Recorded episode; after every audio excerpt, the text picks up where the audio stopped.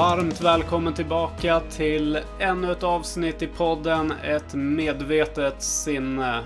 Idag så kör vi igång med del två tillsammans med Irene Rösberg. Där vi under föregående avsnitt gick igenom hennes utmattningsresa som hade många igenkänningsfaktorer. Idag så ska vi gå igenom hennes förändringsresa och väg tillbaka.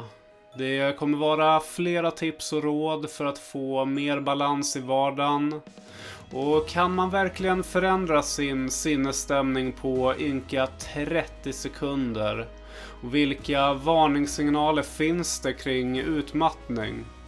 Vad behöver man göra för att snappa upp signalerna i tid? Och vad är det egentligen som är ett litet, stort problem? Den är jättebra och där, jag tänker vi skulle kunna gå in på de delarna just den här, liksom din väg tillbaka. Du är ju liksom som du själv var inne på, du jobbar en del men det är fortfarande, det ligger ju kvar. Men ja. vad, har, vad har du gjort för liksom förändringar i ditt liv sen liksom utmattningen kom till nu när du har fått lite mer insikt och kunskap och mm. skriver den här boken och, och så mm. vidare. Vad, vad har du där? Alltså, det, det, är så svårt tycker jag att följa sig själv i den här utvecklingen för att det är så små steg man tar. Eh, så det är, förstå mig rätt, det är små steg som gör stor skillnad mm. kan man säga. Eh, så man, man kanske inte alltid noterar vad det är man gör annorlunda. Men jag tror att om någon skulle ha träffat mig för, säg sex år sedan och sen inte har träffat mig förrän idag så skulle man nog se faktiskt en helt annan person. Eh, jag är fortfarande liksom ganska energirik och kommer nog liksom alltid vara det. Det är en del av min personlighet.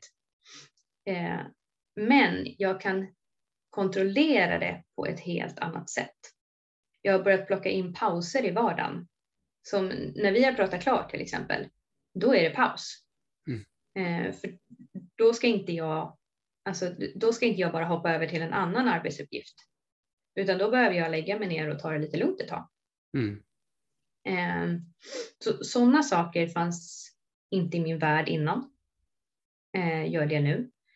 Eh, försöka göra saker och ting långsammare generellt. Jag hade någon sorts tävling med mig själv, jag, jag vet inte riktigt. Men allt skulle gå fort. Eh, plockar man ur diskmaskinen, då gör man det jäkligt snabbt. Gärna så att liksom, har man sönder ett glas, ja, men då har man i alla fall kört snabbt. Alltså lite på den nivån. Eh, och det var så med allt. Skulle jag gå från en plats till en annan, då liksom kunde jag sikta in mig på en person och säga att den här jäkeln ska jag gå om. Och jag kommer ihåg när jag var gravid, alltså typ höggravid och går om en person från tunnelbanan till jobbet och bara känner så här, åh, alltså kom igen, öka takten. Du blir precis omgådd av någon som är höggravid. Det är ja, mm. eller så ska den personen som är höggravid sänka tempot. Mm. Alltså det var så här, mitt, mitt mindset där är helt, ja. Otroligt intressant för det, jag har igenkänning på alla de delarna du nämner så där hade jag för ja, men det är väl en tio år sedan liksom, som jag var i liksom den stressade världen där man liksom man skulle hinna med allt på samma gång och man, det, det är just den här med att hinna, om man såg någon som gick framför, jag hade mm. alltid den, det, var, det, blev en trigger i mig. Alltid, ja. allting blev en trigger. Att jag ska, jag ska ifatt den här personen, jag ska göra det här fort. Mm. Jag tänker bara på det när jag var i Spanien här för några år sedan.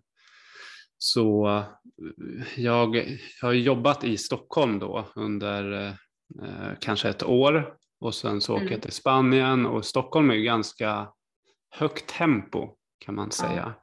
Ja. Och så åker man då till Spanien och eh, då går jag ganska fort och sen är det någon som stoppar mig och säger tranquilo Alltså ta det lugnt. Och jag, för jag förstod inte vad tranquilo betydde. Ja, Så jag fick nej. förklara det liksom.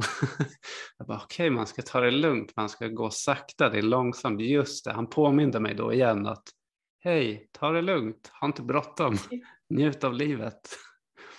Gud vad Eh, häftigt. Alltså, tänk dig det i Stockholm. Mm, Att någon skulle så knacka dig på axeln och bara du lugnar ner dig lite. ja. Det händer ju inte. ja det, det behövs verkligen. Ja, Påminnelser. Ja. gud vad bra gjort. Mm. ja, det var fint. Ja, faktiskt. Mm. Men det är som du säger här med små steg och Mm. vad har du mer då? För du, du säger efter det här så kommer du ta en paus. Kommer det vara då den här att du skannar kroppen lite eller vad, vad har du för olika delar som du gör? Ja, det är faktiskt väldigt olika där. Eh, just nu känner jag nog lite att kroppen behöver röra på sig.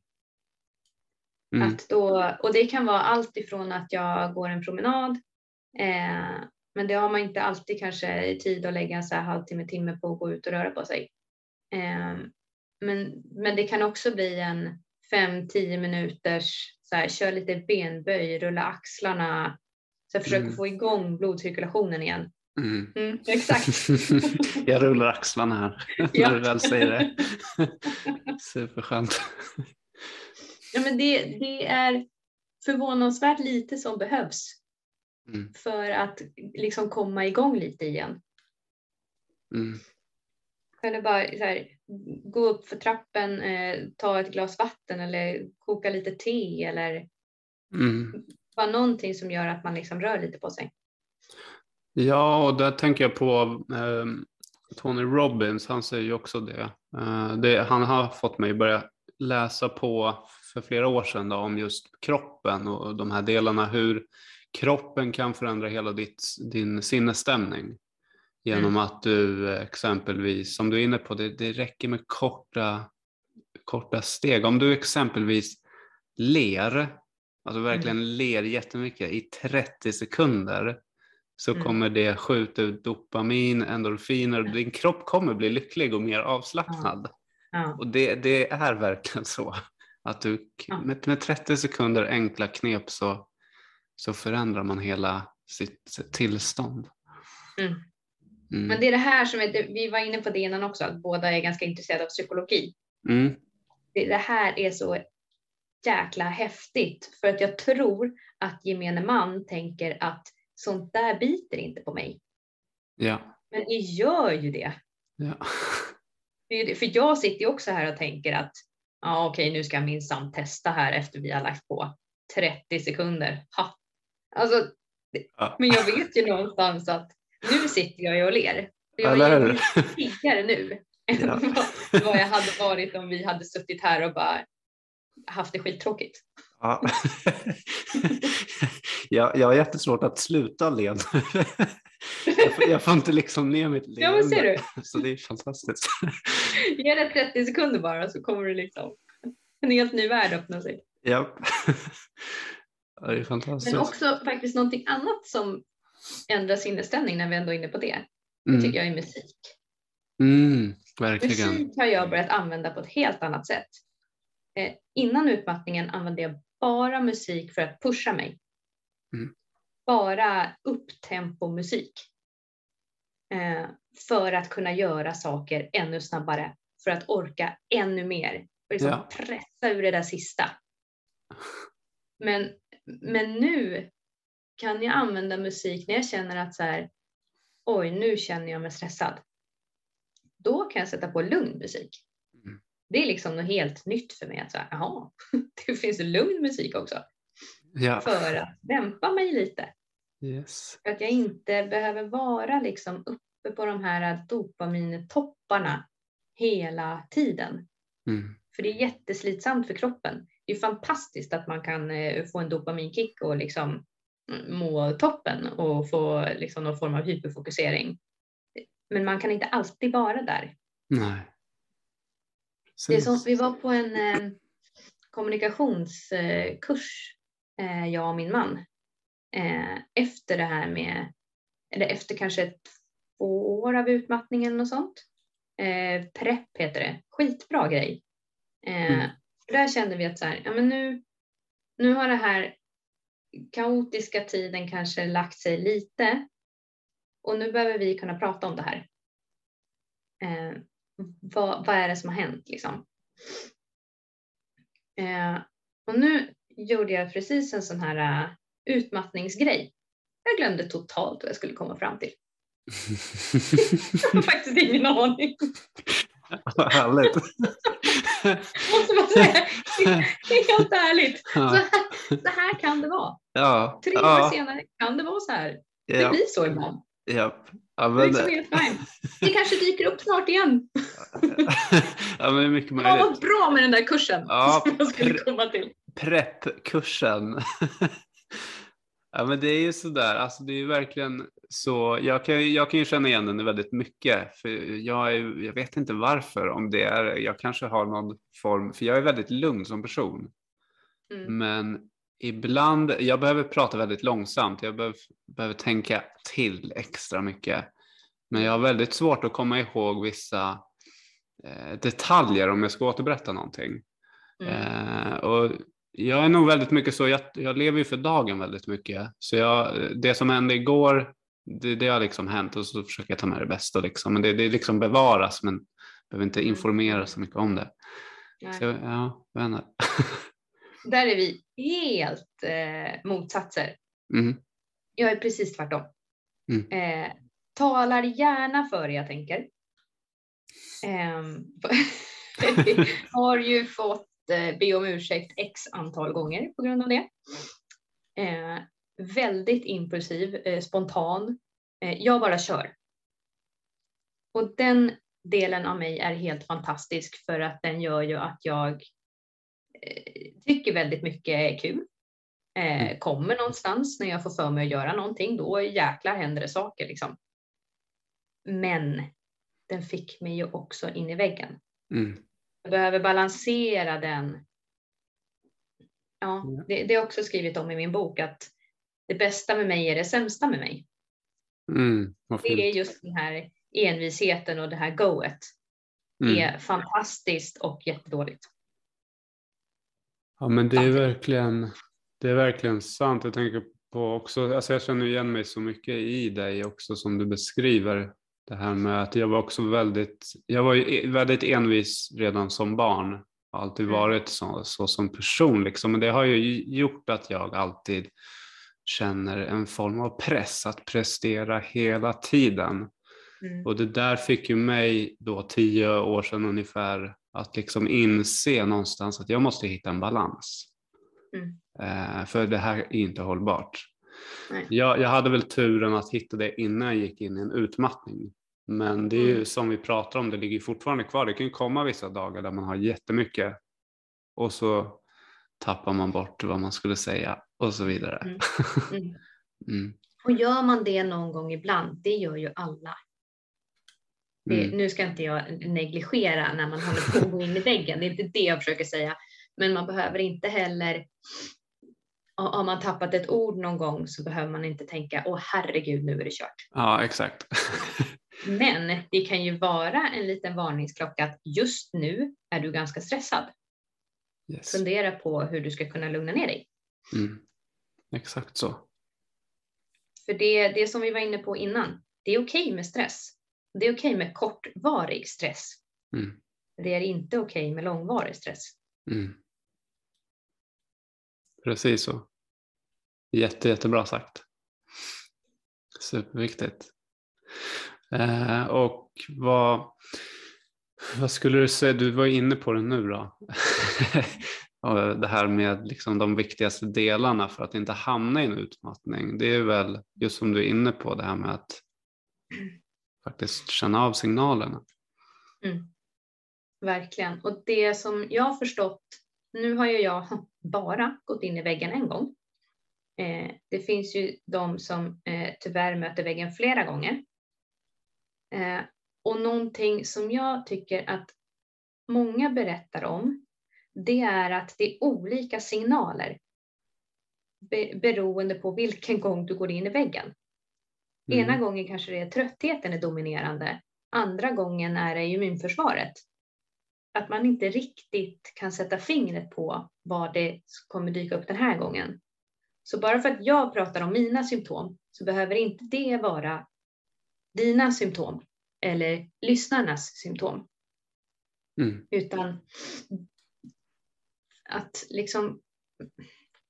Men nå- någonstans finns det ju ett gäng varningssignaler ändå som är liksom ganska tydliga för utmattning. Mm. Och det är ju just det här med eh, tröttheten, kognitiva svårigheter. Eh, det är sånt man behöver vara lite uppmärksam på. Mm. Men samtidigt så vill jag ändå någonstans poängtera eller flika in att det är så sjukt svårt att snappa upp det här innan. Mm. Det är Mm. därför folk går in i väggen, för att det är så svårt att förstå. Det är Ja. inte direkt för att jag fick frågan, så här, vill du gå in i väggen så kör på det här ett halvår till. Jag bara, ja tack, då gör jag det. Det var- inte riktigt så det gick till. Eh, och jag brukar ta eh, Pia Delson som ett exempel. Hon är en psykolog som föreläser om utmattning, som själv gick in i väggen. Mm. Så svårt är det att förstå. Mm. Du kan veta allt om stress, du kan undervisa om stress, men fortfarande själv åka dit. Mm. Så att man behöver ju aldrig tänka så här, hur fasiken, hur dum får man bli? Eller Mm. klandra sig själv. För det, det är så svårt att fatta. Ja.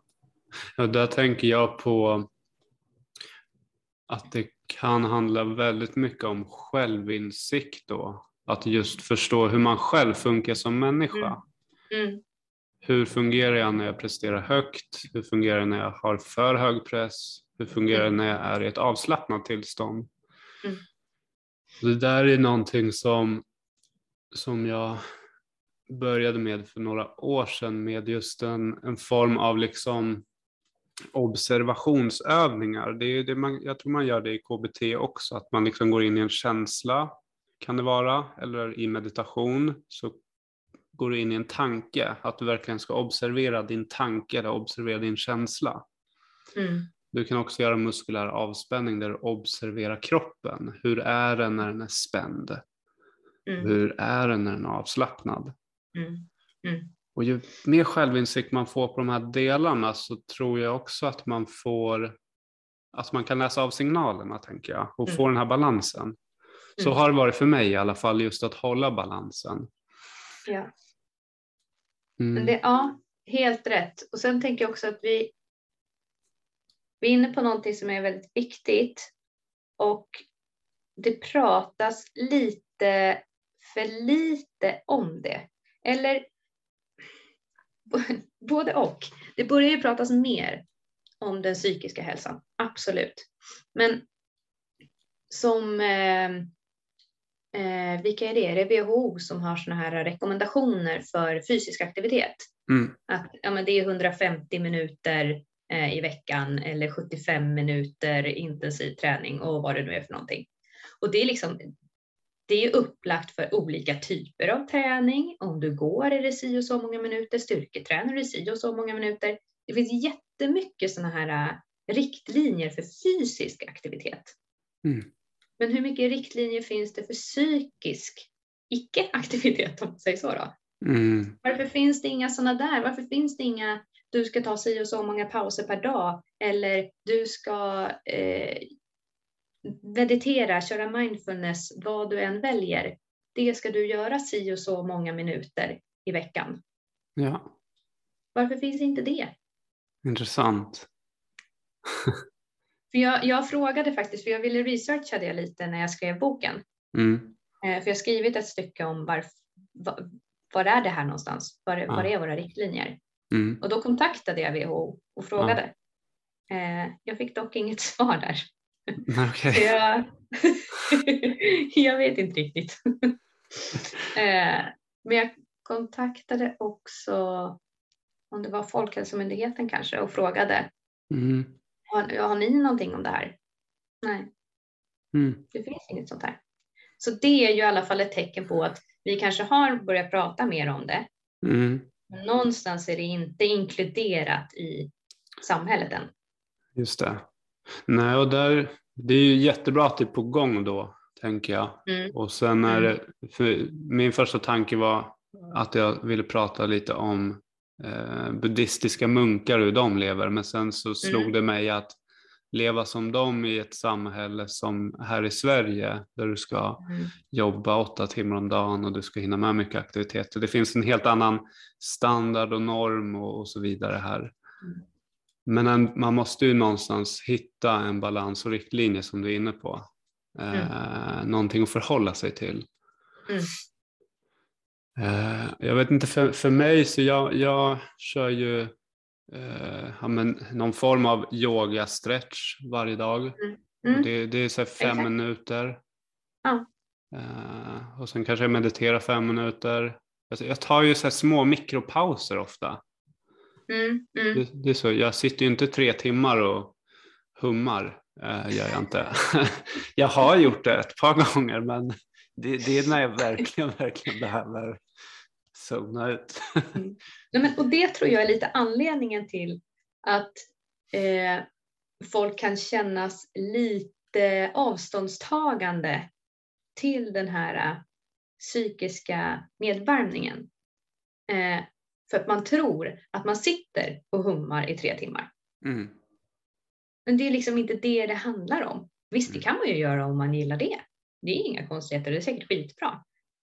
Men att det som du är inne på är så mycket viktigare, de här små pauserna.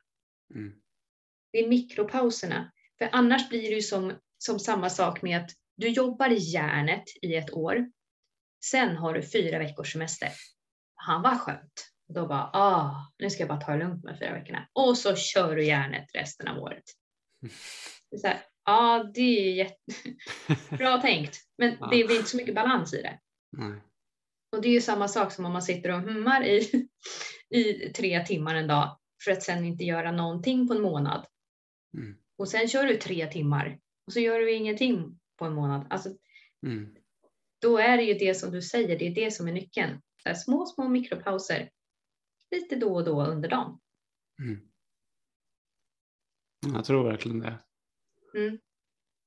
Och det fick vi. Eh, jag gick på en stressmottagning. Eh, den heter stressmottagningen, ligger på Fridhemsplan. Mm. Eh, kanske det bästa jag har gjort i hela mitt liv för mitt välmående. Mm. Så jäkla bra. Mm. Och där pratade vi mycket om eh, just mikropauser, balansera vardagen. Eh, randiga dagar kallade de det också. Att man varvar fysisk aktivitet eller en aktivitet överlag Mm. med vila.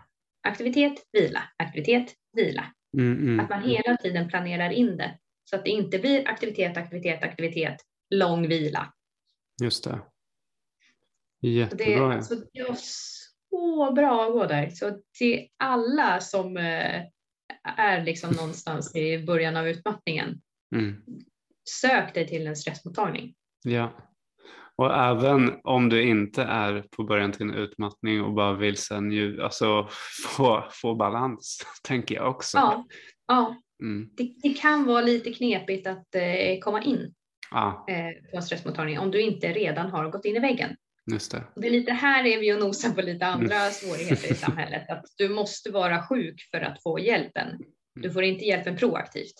Just det. Eh, vilket såklart är ett litet, ett lite, litet stort problem kan man säga. Ett litet stort problem. Ett Jag gillar, stort problem. gill- gillar kombinationen av orden. det är som eh, IT-chefen där jag jobbade senast. Mm. Alltså han, han, han är jätterolig. Han, han kan haka upp sig på såna här eh, saker som man säger som inte går ihop. Mm, mm. Jag sa någon gång att ja, men jag kan ta en jätteliten bit av den där chokladen. Alltså, men du kan inte säga jätteliten. Mm. Han bara, nej, då har du för sig. Han bara, nej, det är som att säga pyttestor. Mm, mm. Ja, det är sant. Så det blir liksom vårt ledord sen. Pyttestor. Jag tänker mig en Pyttestor. bit. Jag kan ta en pyttestor bit. Ja, vad är det för någonting? Jävlar vad. Exakt. Och det är precis samma sak som att säga jätteliten. ja. Men när man säger pyttestor blir man liksom helt så här, va? Det här är ett Ja, jättesidospår, men jag kommer att tänka ja, på det. ja, det är klockrent. ja, härligt. Eh, ja, men jag tänker på det också så här som vi var inne på där med mikropauser här. Att, eh, för jag satt och eh, filosoferade lite och sen efter jag hade läst på lite sådär om just hur kroppen och sinnet funkar i kombination med varandra så är det ju lite så att eh, först ska du göra någonting. Du ska aktivera dig själv. Så då behöver du adrenalin, du behöver kanske klappa händerna, slå dig på benen, kom igen, kom igen, kom igen och så kör man. Mm. Och efter det så vill man oftast ha någon form av eh, belöning för att också säga yes, jag gjorde ett bra jobb. Mm. Och tredje steget blir att där behöver du en återhämtning, en Mm. paus. Mm. För att sen forma upp adrenalinet, kicken igen. Det är liksom den cirkeln som finns, men många hoppar över återhämtning, utan man kör på dopamin, Mm. kör på dopamin. Exakt. och då blir det inte en bra cirkel. Alltså, nu, vet jag inte hur många gånger jag sagt det här har jag skrivit om i min bok, men jag har skrivit om det här också. Ja, men klockrent. Att jag levde på de här dopaminkickarna. Mm. Att jag var liksom som en drogmissbrukare. Jag bara så här, leta knark hela Ja. tiden.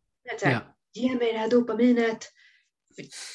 Det, utan det så blev jag nästan lite deppig. Liksom. Jag var Mm. ju så van vid att vara uppe i skyarna. Och jag vill inte gå ner i den här dalen. Vad skulle jag ner dit och göra? Skittråkigt. Så då försökte jag ju bara pusha, pusha, pusha så att man hela tiden var där uppe och liksom kickade. Mm. Och sen kunde jag inte kicka längre och då bara... Liksom, då bara föll allt. Ja. Så det- ja, Det, det kanske är dopamin när man kraschar helt när man håller på sådär. Eller det är väl det man gör. ja, typ. Och så skapar man sig också ett beroende av dopaminet. Mm. Man blir nästan... När man blir så manisk nästan. Ja. Det var ju därför jag till exempel använde musiken för att liksom pusha. Eh, det var därför jag alltid var ute med vänner och hittade på saker eller eh, jag sjunger mycket i kör. Eh, för sådana saker hela tiden gav ju mig den här kicken. Keep the high. Keep the high high. And go Ja. higher. Lite så. Ja, det blir en rejäl krasch efteråt alltså. Så är det ju. Ja, men det blir ju det. Mm. Och det har jag nog fått lära mig eh, att den hårda vägen såklart. Men att nu, att faktiskt försöka balansera det här. Att det, det är jättekul med dopaminkickar, Mm. men man får passa sig lite för att det li- liksom blir för mycket. Japp. Det är ju lite Mm. faktiskt som att vara en missbrukare. Ja, ja, verkligen. Det är som alltså dopamin, där kan man koppla på, jag ska inte gå in för mycket på det, men just det här med sociala medier och så också. Det är också Mm. en, det, det, Mm. det är dopaminrus och det här gör Oh, att yes. du, du, f- du kan inte få samma dopaminkick i ett samtal som du och jag har då. Om man har Nej. ett ständigt high i någonting annat som ger ett snabbare belöning. Ja. Så det är viktigt att hålla det där. ja. Ja, du lyfter så många bra saker. Du, du, jag har ju som sagt skummat igenom din bok och jag kommer, jag kommer läsa ännu mer i den. För det som, som jag verkligen fastnade för är verkligen som jag sa i inledningen, de här korta styckena. Att man kan Mm. läsa en sak, ta till sig det och det är lättläst med igenkänning på mycket saker Mm. också. Det är det som är så fantastiskt bra. Och det, det, det brukar jag ha nästan lite så här sloganaktigt. Eh, läkning genom igenkänning. För det har varit så viktigt för mig i min process att läka. Att höra att andra liksom tycker och tänker och känner som jag. Det är, liksom, det är helt okej att vara en eh, sopig mamma eller en eh, sambo som inte orkar laga mat. Eh, eller jag blir försenad med räkningarna igen. Eh, det, att det, det är helt okej. Det finns andra som också är så här. Eh, och det, det gjorde mig lite lugnare. Mm. Att känna att så här, jag är inte ensam. Ja. Det är lite det jag vill förmedla med boken. Att det, här är inte så här pekpinneboken. Att här är en massa verktyg, gör sig och gör så så blir du frisk igen. Utan här är det bara så här ren och skär igenkänning för att man bara ska kunna slappna av i, i, ja, men i, i situationen. Att så här, ja, jag är utmattad, det suger, eh, men det finns andra vars liv också suger. Det är så mm. konstigt att man blir, man blir gladare av det, men, men ja. igenkänningen gör ju att man faktiskt eh, ja, man kan liksom få slappna av mm. i kanske sin egen eh, tänkte säga misär, men mm. alltså, det känns ju lite så. Man lever ju liksom i en mardröm. Ah, nej men alltså det är ju så att... Eh, alltså det är ju så, Lite harsh kanske. Ja, sam, ja, samhörighet är ju faktiskt en av de alltså grund, grunddelarna hos en människa, att känna samhörighet. Ja. Så igenkänning är ju verkligen Exakt. jätteviktigt. Mm. Uh, det har jag märkt bara av vårt samtal här. Jag har ju sagt det flera gånger att jag känner igen mig så mycket. Ja. Uh, och det, det känns bra. Mm. Sen, sen, får, sen får jag reflektera över det här efteråt också lite. Var kanske lite djupet, gå in och observera lite. För det är mm. spännande när man känner igen sig. Då börjar man reflektera och det, mm. det är spännande. Mm. Ja. Hur, många, hur många gånger sa jag spännande? Men då tycker du att det är väldigt spännande. Ja, jag tror det. så är det. Så är det. Jag tänker Kanske på... pyttestor spännande eller? Pyttestor, pyttestor spännande. Jag vet inte hur det blir. Så lite, lite mycket spännande. Ja. ja. Ganska väldigt lite mycket spännande. Alltså man kan ju leka runt med ord. Uh, jag tänker som en sista fråga till dig här. Mm. Um, vad, alltså vad är, uh, hur skulle du säga att ditt liv har förändrats sen utmattningen? Och, alltså, vilka, vilka är de största insikterna som du har kommit till här nu? Mm, ja, bara det här skulle kunna vara ett eget avsnitt. Mm. Eh, men framför allt eh, balansen som vi har varit inne jättemycket på. Eh, men den är så sjukt viktig. Eh, men sen också det faktum att jag faktiskt började ifrågasätta värderingar. Och jag började ifrågasätta saker som jag bara har gjort för att det är så man ska göra. Eh, till exempel när jag gick tillbaka och började jobba heltid fast jag var helt slut och såklart ville vara hemma med min son. Eh, ja, men var det då? Alltså, det, fram tills att barnen är 12 år eller vad det är så får man vara hemma på eh, 25 procent. Ja, men varför var jag inte det då? Jo, för att det förväntades av mig att jag ska vara Eh, kvinna mitt uppe i karriären och kunna vara mamma. Det ska jag kunna jonglera, det är inga konstigheter.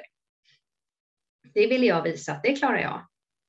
Eh, men när jag började ifrågasätta det där, då helt plötsligt så öppnade det upp saker både för mig och för min man. För han började också ifrågasätta då. Eh, så det slutade med att vi flyttade ifrån Solna, flyttade ner till Sorunda då, där jag också är uppväxt. Så jag menar föräldrar fyra hus bort. Kunde jag aldrig tro för liksom sex år sedan att jag skulle vilja flytta ner tillbaka hit. Eh, men så får man barn och då börjar man se lite annorlunda på saker och ting. Eh, nej så vi flyttade ner hit och då blev boendekostnaden mycket lägre. Så då kunde vi gå ner i tid. Eh, så min man jobbar 80 procent. Eh, Arvid är 50 procent, ja halvtid på förskolan. Eh, och vi kan liksom anpassa våra tider så. För att vi gav oss själva möjligheten att göra det. Eh, så varje onsdag då har vi familjedag. Då kan vi, ofta åker vi till simhallen. Eh, nu när det blivit vinter kanske vi åker skridskor. Alltså, och det gav vårt liv en helt annan livskvalitet. Alltså, det finns ingen i vår familj som jobbar eller är på förskola mer än två dagar i sträck. För sen har man en vilodag. Eller vilodag, men ja.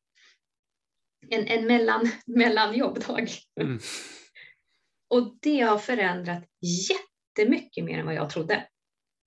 Eh, nu är det helt plötsligt, nu är det snart jullov. Man bara, va? Eh, är det, jul, är det lov igen? Alltså vi, det har blivit mm. så. Mm. Snarare än att man går och bara, gud det måste bli fredag snart för jag dör vilken sekund som helst. Så det, ja, jätte, det, var, det var nog faktiskt vår största skillnad, praktiska skillnad. Mm. Eh, och min, min, om man säger mentala skillnad, det, det är balansen. Mm. I korta drag. Klockrent ju. Det låter väldigt, mm. väldigt, väldigt sunt hur du har förändrat livet och sinnet. Mm. Det är jätte, jätte, jätte, jättebra. Och jag tror att det är, det är ofrånkomligt om man ska ta sig ur en utmattning. Man mm. kommer behöva förändra saker som man tidigare tyckte var viktigt. Mm. Man kommer behöva plocka upp plocka, alltså typ slänga ut sitt eh, 10 000 bitars pussel på backen och bara fundera på vilka bitar man vill plocka upp igen. Ja. Typ Klockrent ju. Ja. Den var en bra, eh, bra sak. Fråga om jag har skrivit om det i boken. Har du gjort det? Har du skrivit om det i boken? ja, jag har det. ja, och den här boken, var kan man hitta den? Jag har, jag har ju fått hem den i min brevlåda här av, av dig liksom. Men så. Ja, lyxigt. Ja, exakt. Ja. Den hittar man på rösberg.se. Och ja, det är Rösberg med Ö i den domänen. Mm. Konstigt, men nu, nu är det nytt. Mm. Nu får man ha Å, Ä och Ö med i sina domännamn. Mm, vad härligt, jag kanske ska ändra. Man den. Då beställer man den direkt av mig och då får man ju såklart en liten hälsning i boken om man vill. Och vart kommer man i kontakt med dig då?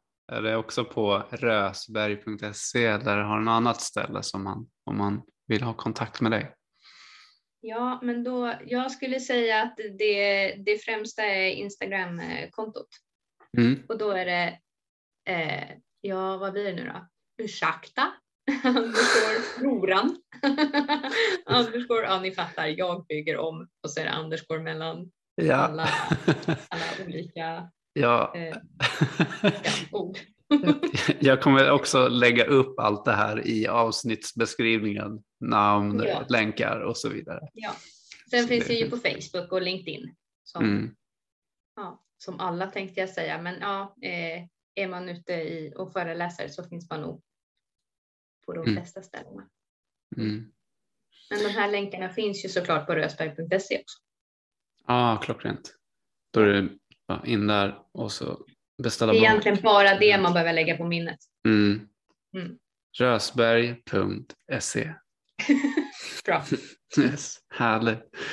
Du, du ska ha stort, stort tack för att du medverkar och delar din eh, berättelse. Det är eh, återigen igenkänning på hög nivå. Jag tror att väldigt många också kan känna samma sak. Tycker det är jätte, jättebra allt du gör och boken är fantastisk så stort tack. Tack för att jag fick vara med.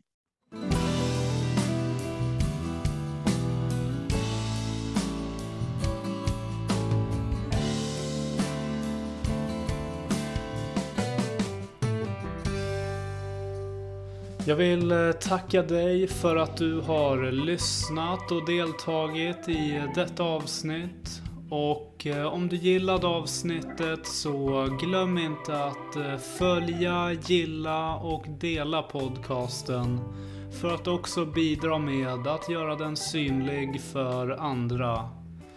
Till nästa gång, tro på dig själv, lita på dig själv och var dig själv.